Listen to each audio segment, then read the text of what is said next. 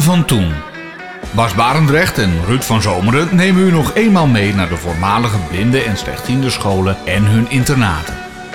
Ditmaal vertellen oud-medewerkers, onderwijzers en groepsleiders over hun werk en hun passie voor het opvoeden en opleiden van slechtziende of blinde leerlingen.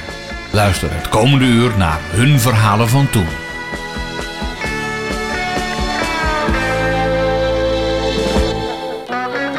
In de slotaflevering van de derde en laatste serie verhalen van toen een portret van een tweetal groepsleiders bij Henricus Instituut voor Jongens in Graven, later Nijmegen. In 1964 komt Janneke van Stijn in dienst van Henricus in Graven. Op dat moment wordt Henricus nog volledig gedomineerd door de fraters van Tilburg. En Janneke was de eerste vrouwelijke en leke medewerker die op dat instituut in dienst kwam. Dat zorgde voor de nodige onrust en commotie, niet alleen onder de leerlingen, maar vooral ook onder de fraters. Wat bezielde haar toch om die stap te nemen? Ik vond het een hele uitdaging. En ik had eerst gewerkt bij zeer moeilijk opvoedbare jongens. En toen dacht ik, ik wil eens een hele andere kant van kinderen zien. En het trok mij erg aan. Een Rooms-Katholiek instituut, geleid door fraters. Ik heb van oud-leerlingen uh, uit en voor die tijd ook wel eens begrepen dat, ja, dat er eigenlijk een soort kloosterleven heerste. Daar hoorde jij als leke werknemer toch eigenlijk helemaal niet tussen? Nee, het, de eerste vraag bij mijn sollicitatie was ook: heb je verkering of ben je verloofd? Dat was voor hun belangrijk. En de fraters mochten in het begin zeer zeker niet in de gangen lopen waar ik werkte. Dus dat was een beetje taboe. Maar ja, dat gebeurde natuurlijk toch, want ze waren allemaal vreselijk nieuwsgierig. En dus dan zie je toch dat er veel fraters dan daar toch moesten zijn. En dat dat taboe ook zo verbroken was. Dat was eigenlijk verder, uh, was eigenlijk zo weg, laat ik het zo zeggen. Want hoe stond je daar zelf in? Ik had het eigenlijk helemaal niet in de gaten, want in mijn vorige werkkring waren er ook waren broeders, maar die waren ja, veel wereldser. Dit waren eigenlijk fraters die nooit eigenlijk buiten de poort kwamen, voor, voor mijn gevoel. Die hadden nog nooit iets uh, meegemaakt, nooit iets gezien. Ze mochten één of twee keer per jaar naar huis, maar voor de rest bleven ze daar op Henricus. Ik ben daar zo verschrikkelijk verwend door al die fraters met hapjes, met, met dingetjes die ze dan gauw onder de toog uh, kwamen brengen, die ze uit de keuken meegebracht hadden. Uh, ik moest ook alleen eten tussen de middag in zo'n spreekkamer. Dit werd dan voor mij gedekt. En dan kwamen ze gauw met een pannetje met een eh, gebakken eitje of een blikje zalm of je kunt het niet bedenken. Maar die vonden dat allemaal geweldig. Was erg leuk. Maar je moest ook met blinde jongens gaan werken. Uh, had je daar ervaring mee? Helemaal niet, maar dat ging vanzelf. Uh, het was eerst een proef om te kijken of het allemaal wel liep. Dus ik was dus de eerste. En na drie of vier maanden zouden er dus meer leidsters komen. Maar ze moesten eerst zien of het allemaal goed uh, functioneerde. En toen was dat na een paar maanden. Toen kwamen er meer groepen, kwamen er meer leidsters. En wie had dat nou bedacht, dat er uh, leken moesten komen? Ik denk dat het van de ouders afgekomen is. Want als je dan zag dat één frater voor een groep stond met 18 of 20 van die kleine jongetjes, en ik had dan kleine van, van 6 tot en met 10, dat was niet meer te doen. Ik denk dat de ouders daar ook over geklaagd hebben. Dat dat op een gegeven moment dat er toch iets veranderd moest worden. En misschien ook dat het eigenlijk niet meer van deze tijd is. Ja, zou kunnen. Zulke grote groepen met één. Nee, met, met één, ja. Maar die was er ook van s morgens zeven tot s avonds, uh, totdat ze naar bed gingen. Dus er was er één man voor en nou kwam er dan iemand bij. En dan krijg je toch een hele andere ja, verhouding ook met de kinderen. We hebben in het, vooral in het begin eigenlijk heel veel moeten pionieren. Want er was eigenlijk in Graven niks. Dus dan is het ontzettend leuk om iets op te zetten of, of iets uh, te organiseren van, van toneelstukjes met sminken, met uh, het, ook zo'n prachtig voorval. Kleding uitzoeken voor het toneel op de zolder. Nou, ik, ik kon daar haast niet wegkomen. Zoveel oude troep van, van, ik denk van hele oude blinden die daar uh, overleden zijn en daar al die spullen bleven staan. Dus wij konden daar dus uh, dingen uitzoeken voor het toneel. Nou ja, dat, dat, was, dat vond ik geweldige dingen om te doen. Je moest het dus allemaal wel zelf verzinnen? Ja, er was niemand die zei: God, zou je dit eens niet willen doen? Het moest allemaal van jezelf afkomen. En, het, en het, het, ja, dat was ook altijd bij ons in de familie, als ik dat wel eens vertelde, gewoon hilarisch. Toen ik daar net kwam, en dan had je dus de vrater van de blinde jongens en van de uh, slechtzienden. En die hadden dus met z'n tweeën dus die grote slaapzaal. En toen kwam ik daar en ja, kun je je voorstellen, zo'n fraters die jaar in jaar uit met dezelfde toog liepen. En op een gegeven moment, als je dat dan naast stond, dan denk je, waar is dit toch? Nou, de stof en het vet en de vuil, dat rook je al op een afstand. Dus toen zei ik op een gegeven moment, hebben jullie nog een andere toog? Ja, maar alleen als we de goede, als we naar huis gaan, één of twee keer per jaar, dan hing die dan schoon in de kast. Nou, als je die nou eens volgende week aandoet en je geeft mij die oude, dan zal ik die eens een keer wassen. Want die kinderen zitten met vuile handjes eraan en daar zit van alles aan. En van de geit en de bok en van alles uh, zat erop. En toen heb ik die twee heb, toga's heb ik in, de, in het bad gewassen. Nou, dat heb ik geweten. Want ik kreeg hem niet meer uitgevrongen. Het was net alsof het uh, uh, tentzeil was. Hele zware stof. Hele zware stof. Maar nou, het ergste was, die kreeg ik niet meer droog. Want dat heeft zeker drie weken lang boven in die badkamer gehangen. Want er was ook maar één badkamer waar die jongens dan uh, één, één keer per week in moesten. Uh, hebben die daar zeker 14 dagen tot drie weken uh, hebben die, die, die, togen daar moeten drogen voordat ze weer droog waren. En al die tijd moesten de eerwaarde fraters in hun, in hun, zondags, in hun zondagse toog. En wat denk je? Kerstmis kreeg ik ineens van de frater overste, stond er een wasmachine. En toen zei ik al gelijk, maar dat is niet de bedoeling dat ik togen ga wassen. Dat is uh, de eens, maar nooit meer. Dat was het alleen voor de kinderen. Hoe reageerden die jongens op jouw komst? Oh, dat was geweldig. Echt geweldig. Die hingen als klitten aan je. En vooral die kleine, die, die waren zoveel maanden van huis. Uh, dat voelde voor hun echt een beetje, nou ja, ik wil niet zeggen moeder, maar toch toch, die hadden toch een andere binding met mij als met die fraters. Maar je deed ook hele andere dingen mee. Kijk, eh, normaal was het eten, spelen en slapen. En wij hadden dan toch de taak om er ook wat dingen in te leggen wat ze konden leren. Dus laten we zeggen, met het eten, met het aankleden. Daar had je dan nu met tweeën meer tijd voor je zag gewoon wat er gebeurde. Vooral zo'n kleintjes, die, die hebben dan wel een bepaalde discipline wat ze dan s'morgens moesten doen. Want het was op een slaapzaal met van die klapbare wastafeltjes. En als je dan dat voor je zag, dat er zo'n twintig, want we hadden dan blinden en slechtzienden op één slaapzaal bij elkaar. Dus toen stonden er zo'n 20, 25 van die klapbare wasbakjes. En als je al die jongetjes dan s'morgens met een uh, washandje hun gezichtjes af zag doen, dan dacht je van ja, daar moeten we toch iets meer uh, controle over krijgen en zorgen dat die kinderen leren hoe ze bepaalde dingen moeten doen. Dan zijn twee mensen nog niet veel, hè? Nee, maar het, het liep toch. Die, die die had natuurlijk al die jaren daarvoor gezorgd. En die, die hebben daar toch andere kijk op als dat vrouwen daarop hebben. Maar ik heb dat nooit ervaren als van ik krijg dit niet voor elkaar. Of, eh, maar toen praatte je ook over andere werktijden. Nu is het eh, een half uur voor werktijd maken ze al aanstalten om eh, naar huis te gaan. Maar wij hadden werktijden als ze opstonden, tot dan na het eten, dan gingen ze naar school. Dan was ik vrij, totdat ze weer uit school kwamen. Dus je had een hele versnipperde dag. Maar dat heb ik nooit ervaren als, als vervelend. Want je had ze dus, als ze niet op school waren, dan waren ze in de groep. En dan was het eerst eh, iets drinken of iets, eh, iets van iets gezelligs doen.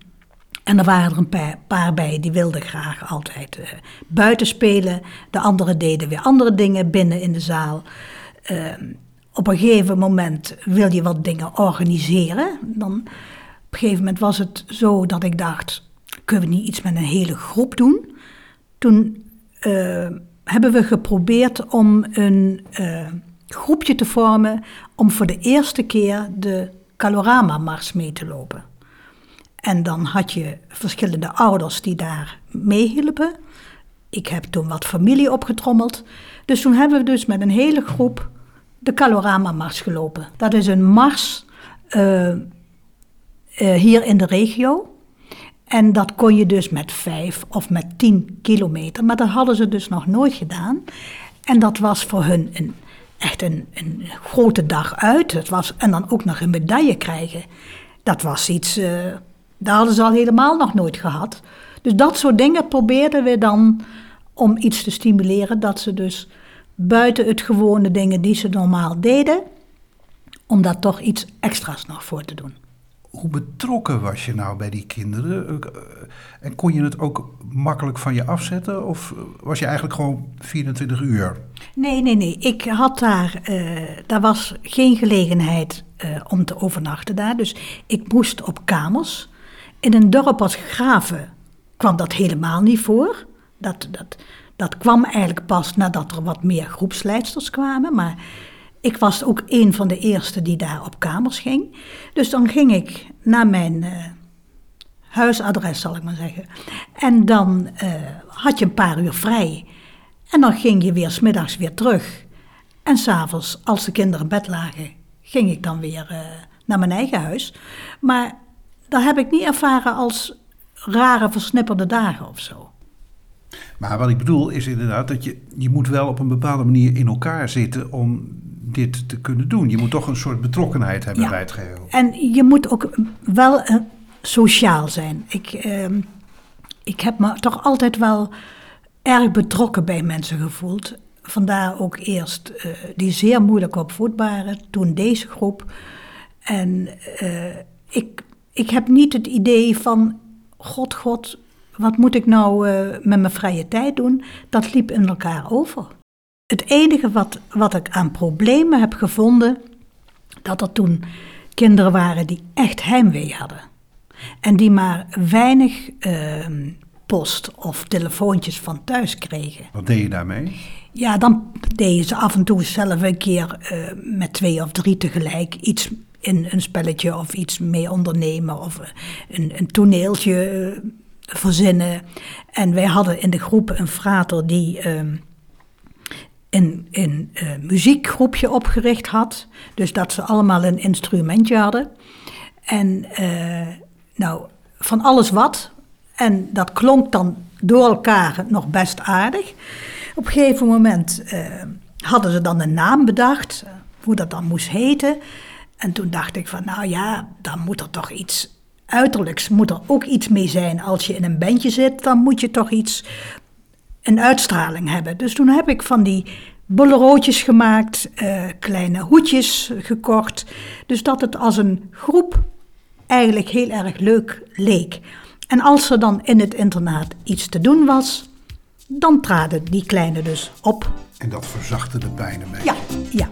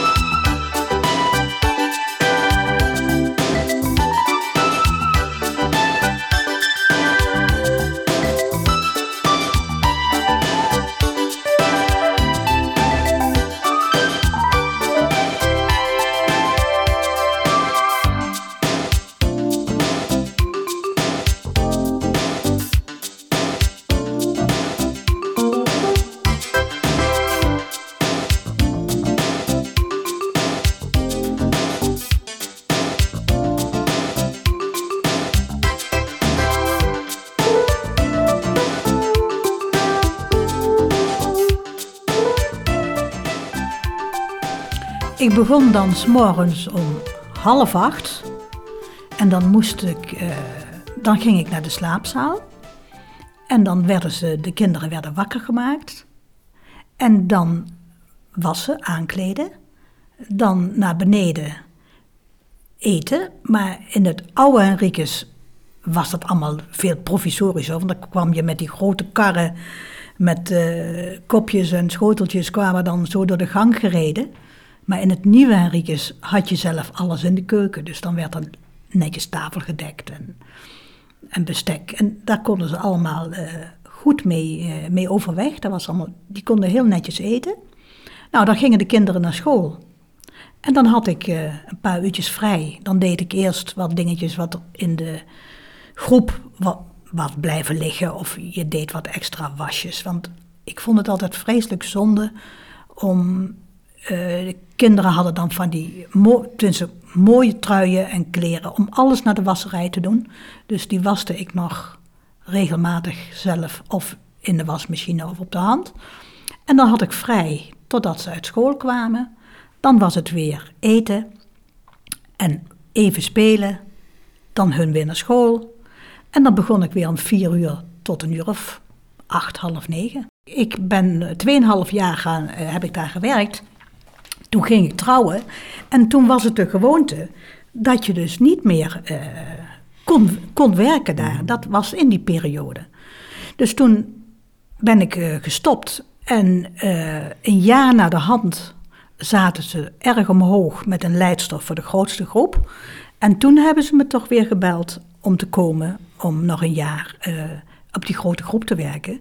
Maar toen waren de werktijden zo anders uh, op zondagmiddag, zaterdagavond.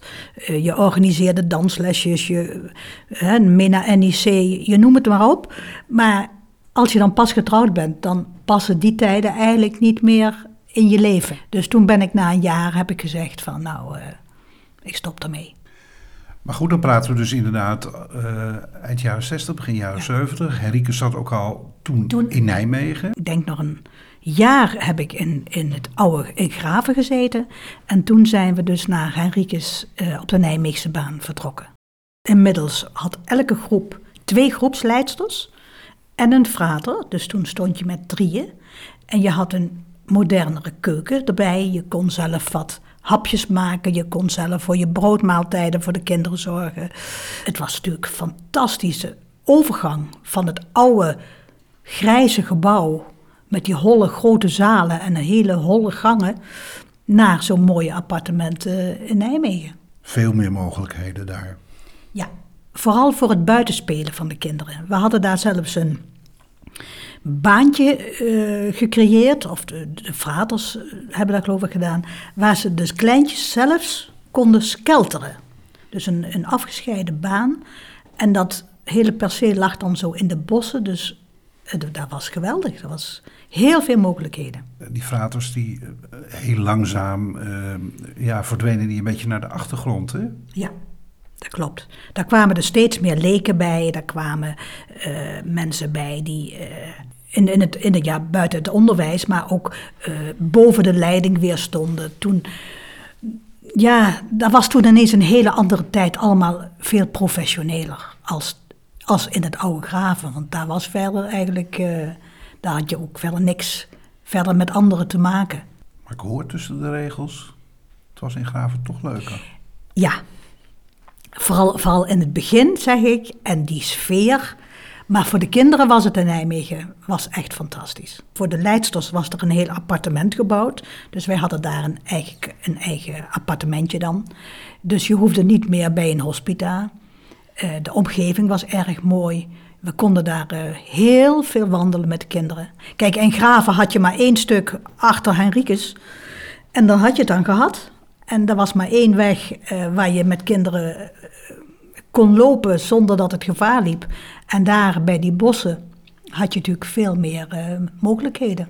Ook al was het een korte periode, wat, wat is nou een moment in die 2,5 jaar geweest waarvan je zegt van nou dat, word ik 100, dat vergeet ik nooit meer. Is het eerste wat me opkomt is toen ik ging trouwen, ehm, dat de hele groep van mij uh, bij de kerk stond. eh, met die leuke pakjes aan. En die stonden daar muziek te maken. En dat de hele straat uitgelopen was. En die kwamen allemaal op dat geluid af. En wisten niet wat ze zagen. En dat was eigenlijk het leukste moment. Ik vond het een fantastische tijd.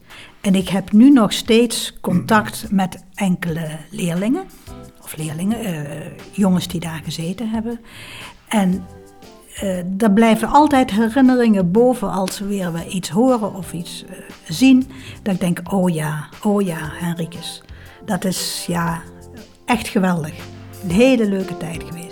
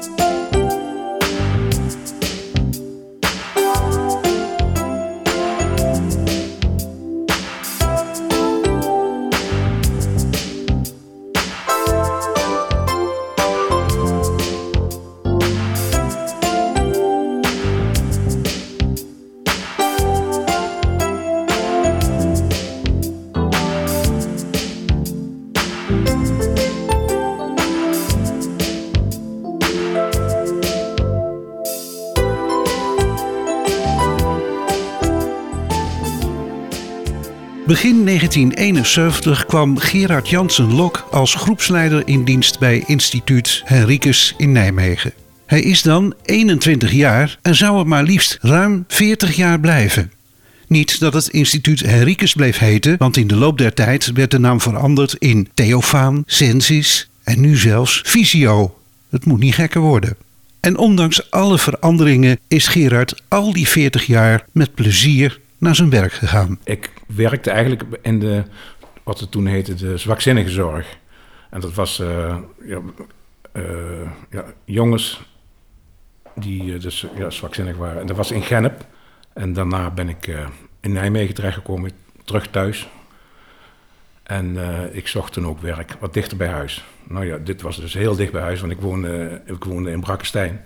Dat is eigenlijk over het spoor. En dan had je daar aan de overkant Henricus. Ik, ik, ik, ben daar gaan solliciteren en uh, ik hoorde maar niks. Ik heb eens een keer opgebeld. En uh, toen vroegen ze, waarom ben, je, waarom ben je nog niet begonnen? Vroeg de directeur. Ik heb jou aangenomen. Ja, maar ik heb geen bericht gehad, zei ik.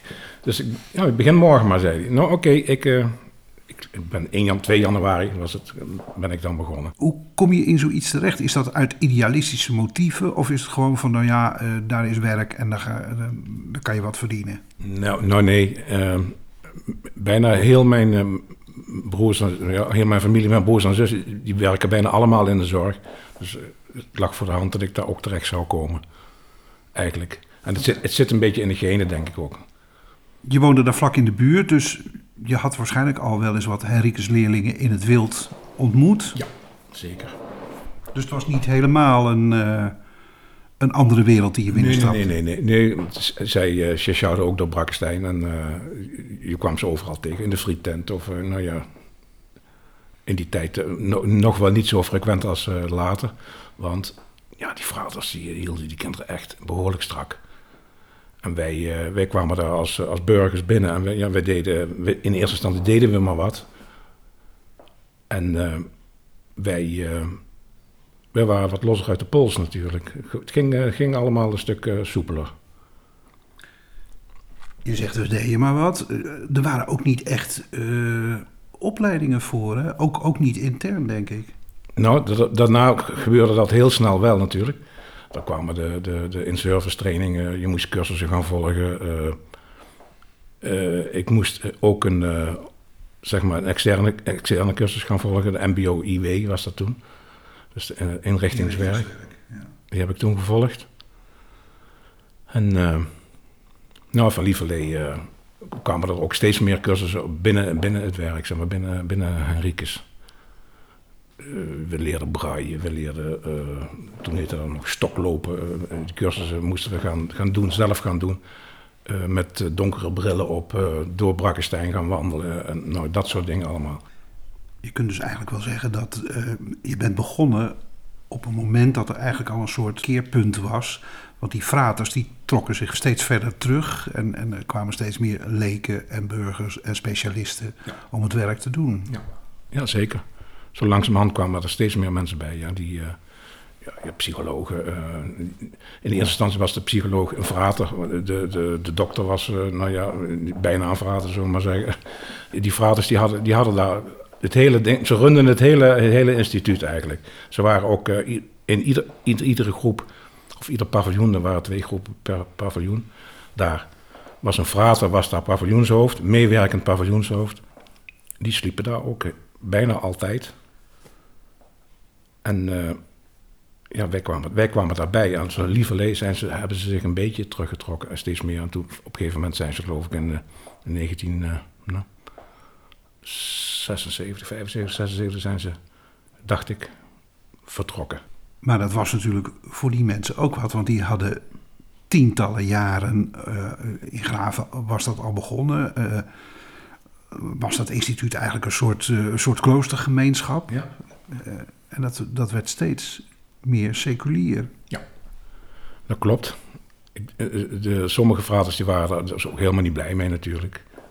Maar eh, het was gewoon ook een trend een beetje in de maatschappij... dat het allemaal wat professioneler werd. Echt professioneel, zeg maar. Die vaders die deden ook vreselijk, vreselijk hun best natuurlijk wel. Maar er was natuurlijk ook... het ministerie, zeg maar zo, die, die stelde steeds meer eisen... aan het, aan het werk, zeg maar, aan het omgaan met blinde en slechtziende kinderen. Dat was nog niet aan de orde op 3 januari eh, 1971. Eh, kan je je eerste werk- werkdag nog herinneren? De kinderen waren naar school, dat weet ik nog wel. En eh, ik kwam daar in, in een paviljoen in groep 6, in het Groeske. En eh, daar, waar, er was een, één collega, een burgercollega, en, eh, die was daar aan het werken. En frater, de frater, paviljoenshoofd, zeg maar. En daar heb ik dan kennis mee gemaakt en een beetje rondleiding gehad. En om 12 uur kwamen dus, eh, er waren twee groepen naast elkaar, 48 kinderen kwamen er binnen. Er waren groepen van 24 kinderen. Ik schrok me het laplazerus eigenlijk. 24 kinderen kreeg ik onder mijn hoede met, met nog twee eh, meisjes. Dus we waren met z'n drietjes en dan een meewerkend paviljoenshoofd. Dus we hadden dus 24 kinderen. En die sliepen op, op twee slaapzalen. 12 aan die kant en 12 aan deze kant. En in het midden was een, een ruimte, een, een groepsleiderskamer met twee raampjes. Met keek, kon je zo die zaal inkijken zo. Dan moest je dan, daar sliep je dan. En dan moest je s'nachts uh, en s'avonds, als ze naar bed waren, orde houden, zeg maar. Dat was eh, eh, heel even wennen wel, ja. Ook de maaltijden. Dus inmiddels kwamen ze dan de eerste keer. En uh, ze moesten natuurlijk allemaal kennis maken met mij. En die wilden al gelijk weten wat voor vlees ze in de kuip hadden. En uh, daar had je dus drie, drie, drie tafels van acht. En wij, en wij moesten dan uh, eten van de, van de... Er kwam een gamelle van de keuken en met een karretje kwam dat, werd, dat, hoe heet dat, werd dat gebracht. En er werd een pannen geschept en op die tafels. We waren dus met 24 man aan het, uh, aan het eten, tussen met een warm eten. Het was echt een gekkenhuis. De eerste, de eerste dagen dat ik denk van, mijn god, daar ben ik terechtgekomen. Echt waar. Je bent ook het mikpunt geworden van allerlei uh, zaken die uh, de heren voor je bedacht hadden? Ja, plagerijtjes natuurlijk. Ze probeerden je, je, probeerde je uit. Hoe, hoe ver ze konden gaan. Maar dit, dit waren dus kinderen van tussen de 10 en de 13 ongeveer zo. Dus ze waren echt prepuber en net, net een beetje dat ze net nog geen puber waren, zeg maar zo. En jongens? Jongens, alleen jongens. Henrikes waren, waren toen de tijd alleen jongens. dus pas sinds 1976, 77 kwamen er een enkele meisjes vanaf de Wijnberg hier.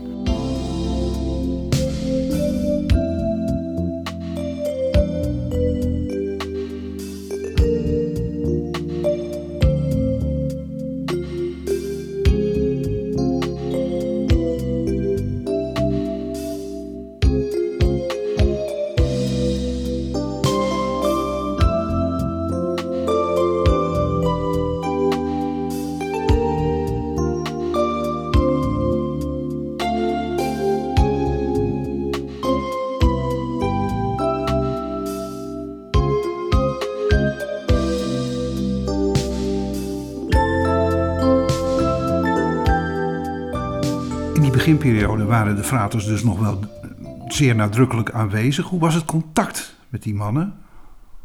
Uh, nou, in eerste instantie uh, waren het natuurlijk degene die bij jou werkte, was je directe baas, zeg maar. Je, je, vroeger heette er nog geen manager, maar hij was paviljoenshoofd. Dus hij, hij bepaalde een beetje wat er gebeurde ook in allebei de groepen van, van, van ons paviljoen. Uh, ik heb verschillende fraters meegemaakt natuurlijk. Het zijn uh, de meeste, vond, ik vond ik eigenlijk wel aardige mensen eigenlijk wel. Die, eh, die eigenlijk ook wel met hart en ziel voor die kinderen stonden. Maar achteraf heb ik ook wel eens andere verhalen gehoord. Ik, ik heb kinderen op de groep gehad die dus later in, in, in, in, kranten interviews hebben gegeven dat ze dus uh, misbruikt zijn door, door, door, door fraters of door, weet ik, door leraren op school daar, die ook frater waren natuurlijk. Maar daar heb ik in de tijd dat ik op de groep gehad heb, nooit iets over gehoord, nooit iets over meegekregen. Want ja, ze praten daar gewoon niet over. Want die kinderen die waren natuurlijk ook wel een beetje getraumatiseerd waarschijnlijk. Maar ik heb er nooit iets van gemerkt. Jullie als, als burgerpersoneel, redelijk goed opgeleid. Aan de andere kant die fraters die uh, ja, vanuit de goedheid huns harten uh, de dingen deden. Uh, botste dat nooit? Crashte dat nooit? Op een gegeven moment kozen die fraters ook een beetje eieren voor hun geld natuurlijk. Want ja, ze, ze, ze, waren dan de baas van een paviljoen, maar daar werkten dan zes of acht, acht burgers en hij. Dus in, in, een, in, in, een gesprek, in, in, zeg maar in een vergadering of zo, dan had hij waarschijnlijk acht, acht mensen tegen zich eh, als die, als die iets wilde voorstellen. En, en, wij waren het er niet mee eens. Dus op een gegeven moment uh, gingen die natuurlijk ook een beetje nadenken van, uh, nou ja... en die moesten, die moesten wel met de tijd mee, want ja, het, schip vaart verder, zullen we maar zeggen. En, of het voer verder toen, ja. Maar ze hadden het natuurlijk in strikte zin wel voor het zeggen. Ze, ze, ze, gingen voor een belangrijk deel natuurlijk nog over het geld. En, eh, ja, zij hadden de leiding. Ja. ja, dat is waar. En daar hadden we ook mee te dealen natuurlijk. Hoe zag een uh, gemiddelde werkdag eruit voor jou? Je had verschillende diensten. Je werkte onregelmatig natuurlijk. Je had uh, slaapdienst. Je had soms een hele week dat je slaapdienst had. Dat je dan, dan begon je smiddags om, om vier uur of zo. Of vijf uur. En dan werkte hij door tot de volgende morgen tien. Ja, je mocht dan slapen natuurlijk. En, uh, en dan van tien tot vijf had je weer vrij. En dan, zo liep dat een hele week. Er waren ook diensten van een, zeg maar de dagdienst. Dan begon je s morgens om half acht of zo. Dat je dan samen, samen de kinderen uit bed en, naar school. Ontbijt en dan naar school. En dan uh, ging ging dus de nachtdienst naar huis en de dagdienst die bleef er een beetje en die, die was bij vergaderingen en dat soort dingen allemaal. Het contact met de pupillen, was er intensief contact of bleef het toch allemaal een beetje aan de oppervlakte? Nou nee, het was best wel intensief natuurlijk, want die kinderen waren soms wel eens uh, drie maanden of zo dat ze, dat ze dus uh, geen ouders zagen. Die waren dus constant, uh, constant bij ons. Dus ook de weekenden. Dus uh, lief en leed werd je, werd je toevertrouwd. Er gebeurde natuurlijk van alles ook. Heimwee van kinderen, nou, jij noem maar op, wat, wat een kind allemaal... Ik kan me voorstellen dat dat bij, bij jongere kinderen uh, belangrijk is, maar grotere jongens van 12, 13 jaar... Die... Ja, die zetten zich ook wel een beetje af natuurlijk. Ja. Maar aan de andere kant, als je drie maanden niet naar huis kunt, uh, of alleen de vakanties, dat je dan met een bus door Nederland weggebracht wordt, dan, nou, dan krijgen ze je wel een beetje klein, denk ik, soms emotioneel. Want het is natuurlijk, het is niet niks. Als je drie, drie maanden of vier maanden je, ouders niet ziet en, dan een keertje één keer in de week een telefoontje krijgt, of dat je een keer naar huis mag bellen, nou, dat soort dingen. Dan, dan, is het, dan worden ze wel heel klein natuurlijk. Ja, en de ene die vertelde je wat meer als de andere. En, maar die, en diegene die mij niet zoveel vertelde, die had dan een betere klik met, met de meisjes die, eh, die daar werkten. Bijvoorbeeld. Ja.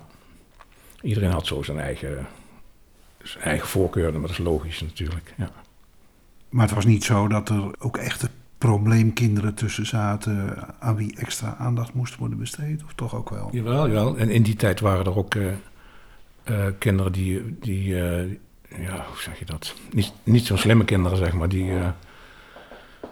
er waren er stel, die gingen dan bijna naar de, naar de MAVO. Daar was dan de MAVO ook. Ja, maar er waren ook kinderen die dus echt niet, niet goed mee konden. En, en die of, ook een wat, wat, ja, wat gedragsproblemen hadden al toen.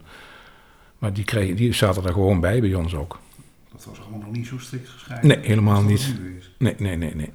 Was je erop voorbereid om dat een beetje in goede banen toch te leiden? Want dat, dat leidt natuurlijk heel vaak tot, uh, tot conflicten en fricties ja. in zo'n groep. Ja, zeker. Maar ja, dat, uh, ja, maar daar ben je heel snel aan gewend natuurlijk. Want uh, ja, de dingen die gebeuren en je moet, je moet dan op een gegeven moment moet je, moet je toch ingrijpen. Of je moet toch daar, daar een, zeg maar een, een weg in vinden.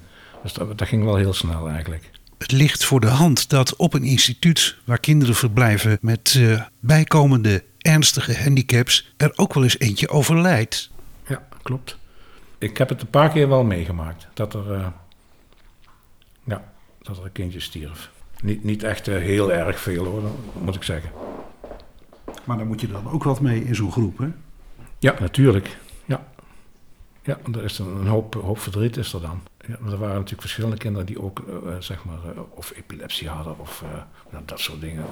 En dan, als dan een kind doodgaan die, die dan dat ook toevallig had, dan, ja, dan gingen ze toch over nadenken. Het is toch, ja, dat is toch moeilijk. En het is een kindje wat, wat je, wat je hele, hele, hele jaar zit bij jou in de groep, die, slaapt twee bedden verder op, je zaaltje daar en die is er nou niet meer. Ik kan me heel veel voorstellen dat die kinderen daar wel eens bang voor waren, ja. Ja. En verdrietig ook. Was het nou ook zo dat je eigenlijk in die beginperiode ook een beetje in het diepe gegooid werd? Want alles moest nog worden uitgevonden. Hè? Ja, een beetje wel. Ja. Is dat lastig? Uh, soms is het lastig, was het lastig, maar het is natuurlijk ook wel een hele, was ook een hele uitdaging toch ook.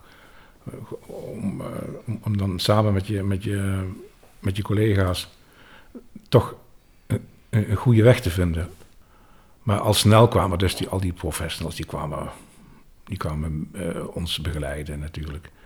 Het was niet, niet het eerste jaar, maar met, al heel snel daarna of zo mm. was het al, ja.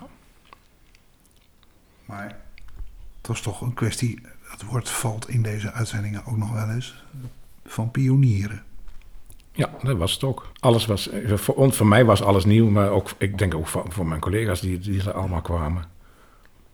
Want eerst waren dus de fraters daar de baas en, later uh, ging het over in, uh, zeg maar, in, in, de, in, noem je dat, in burger, uh, in een burgerregime, zeg maar, hoe je, hoe je het ook mag noemen dan. Toen werd het toch, toch anders allemaal. Ik zal een voorbeeld noemen. Bij de fraters, daar was het zo dus dat er altijd de, de juffrouws en de meneren, die moesten dus juffrouw en meneren.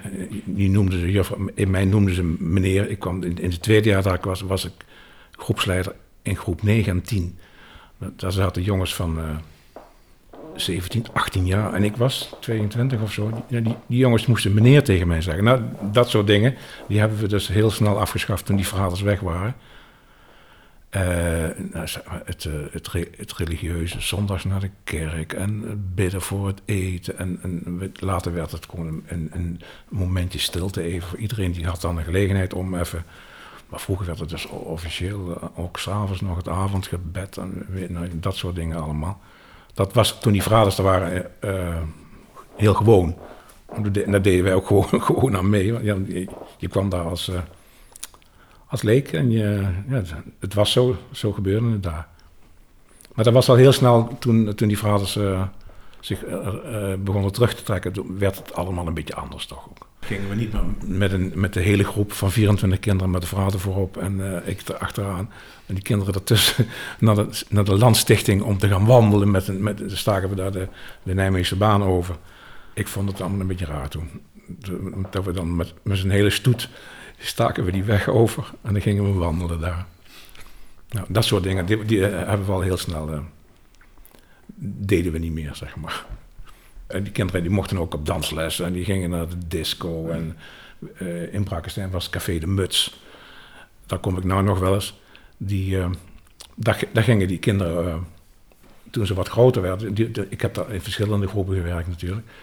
Jongens van 15, 16, 17 jaar die gingen, die gingen wel eens een potje biljarten of, uh, of kaarten of uh, gewoon maar een biertje drinken. Nou, dat, dat kon, toen kon dat allemaal, toen, toen die vaders uh, er niet meer waren, zeg maar.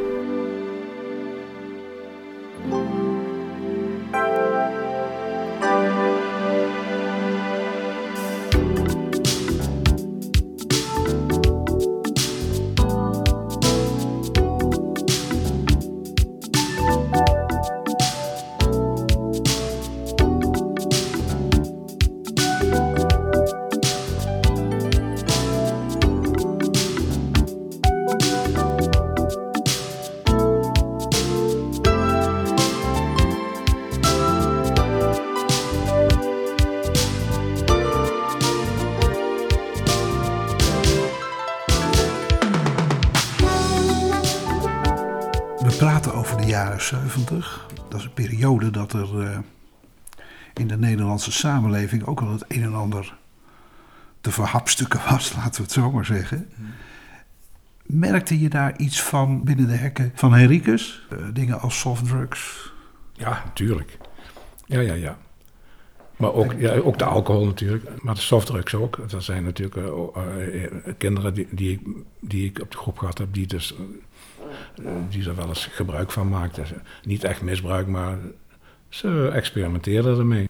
Maar dat lijkt me nou dus heel lastig, want als het je eigen kinderen zijn, dan kun je nog zeggen van, nou ja, oké, eh, ze mogen ermee experimenteren en ik hou het in de gaten. Maar kinderen van anderen, daar heb je toch een ander soort verantwoordelijkheid ja, precies. Het, het, mocht niet. Het mocht niet. mocht niet. Nee, het mocht niet. Het is net hetzelfde als met de seksualiteit. We hebben honderd jaar, praten we al over over seksualiteit op, op, eh, op, op internaten.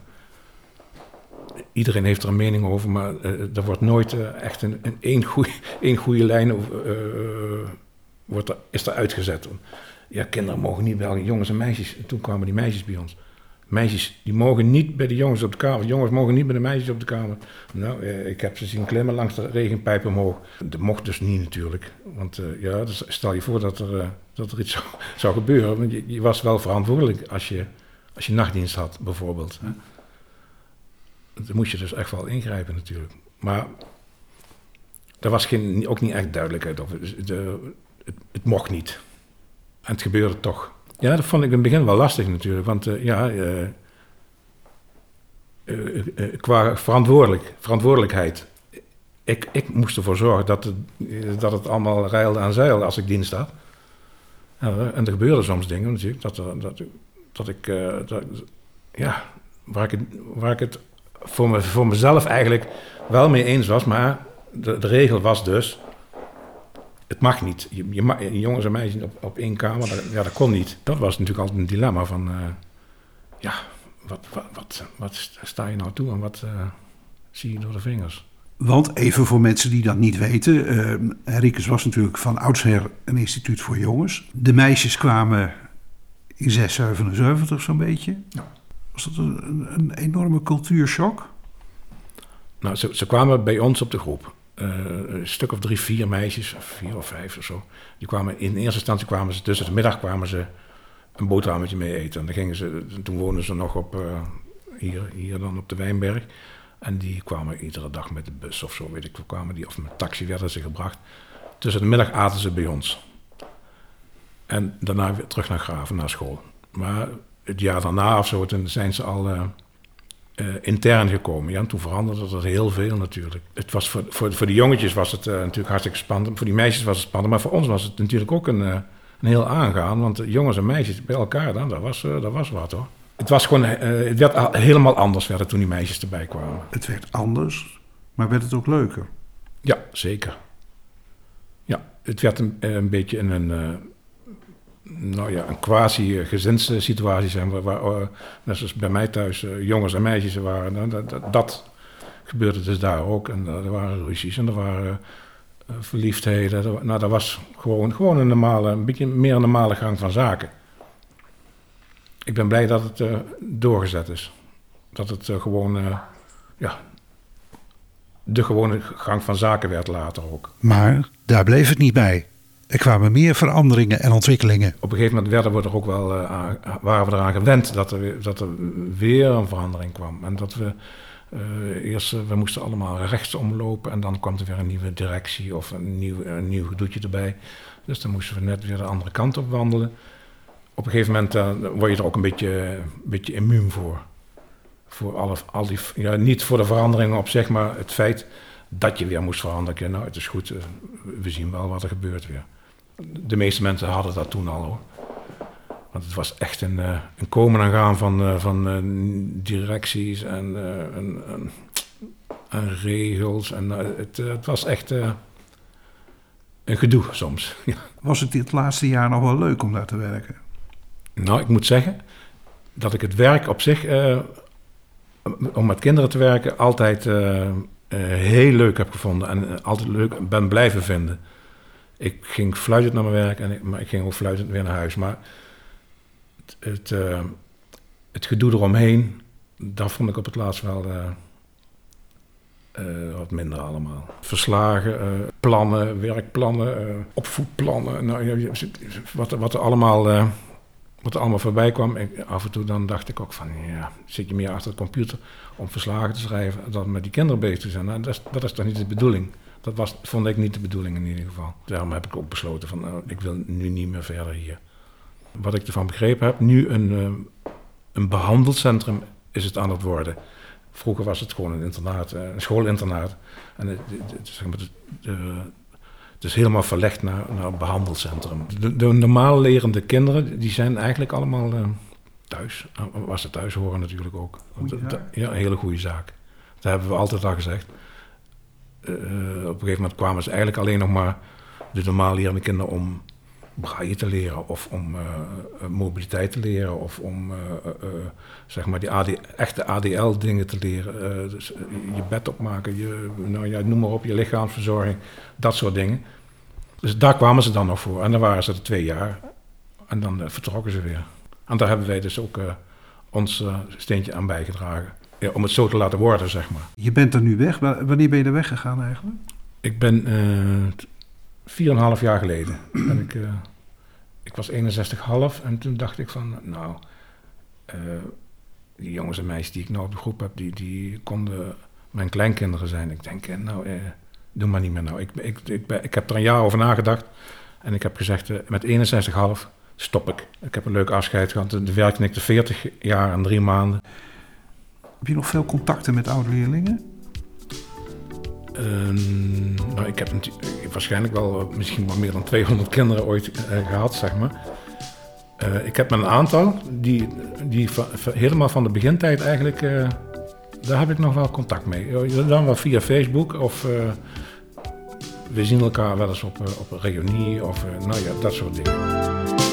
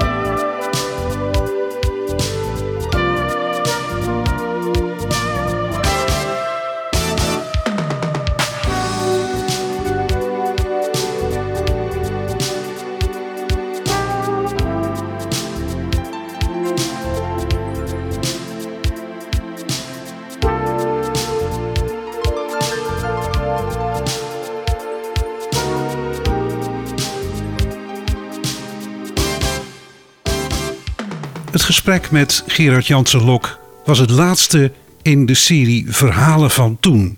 32 uitzendingen hebben Bas en ik gemaakt. Met oud-leerlingen en oud-medewerkers. Een hele klus. Maar het was het waard, vonden wij. En aan de reacties te oordelen vonden jullie als luisteraars dat ook. Onze dank gaat uit naar al die mensen die deze programma's hebben mogelijk gemaakt. Niet in de laatste plaats de geïnterviewden, die zonder terughouding en uitermate openhartig hun verhaal hebben gedaan. Dank allemaal. En natuurlijk ook dank aan jullie, luisteraars. Want we hebben heel wat positieve reacties gekregen. Misschien gaan we in de toekomst nog wel eens meer van dit soort uitzendingen maken over andere thema's en met andere uitgangspunten. Een bijzonder woord van dank tenslotte aan collega Bas Barendrecht, die zorg droeg voor de opname van de interviews. En aan mijn vrouw Inge Takke, die alle praktische zaken rond deze drie series georganiseerd en geregeld heeft. En dat lijkt simpel, maar neem er van mij aan dat het een hoop werk was. Tot zover de verhalen van toen. Een prettige zondag en graag tot een andere keer. Dag.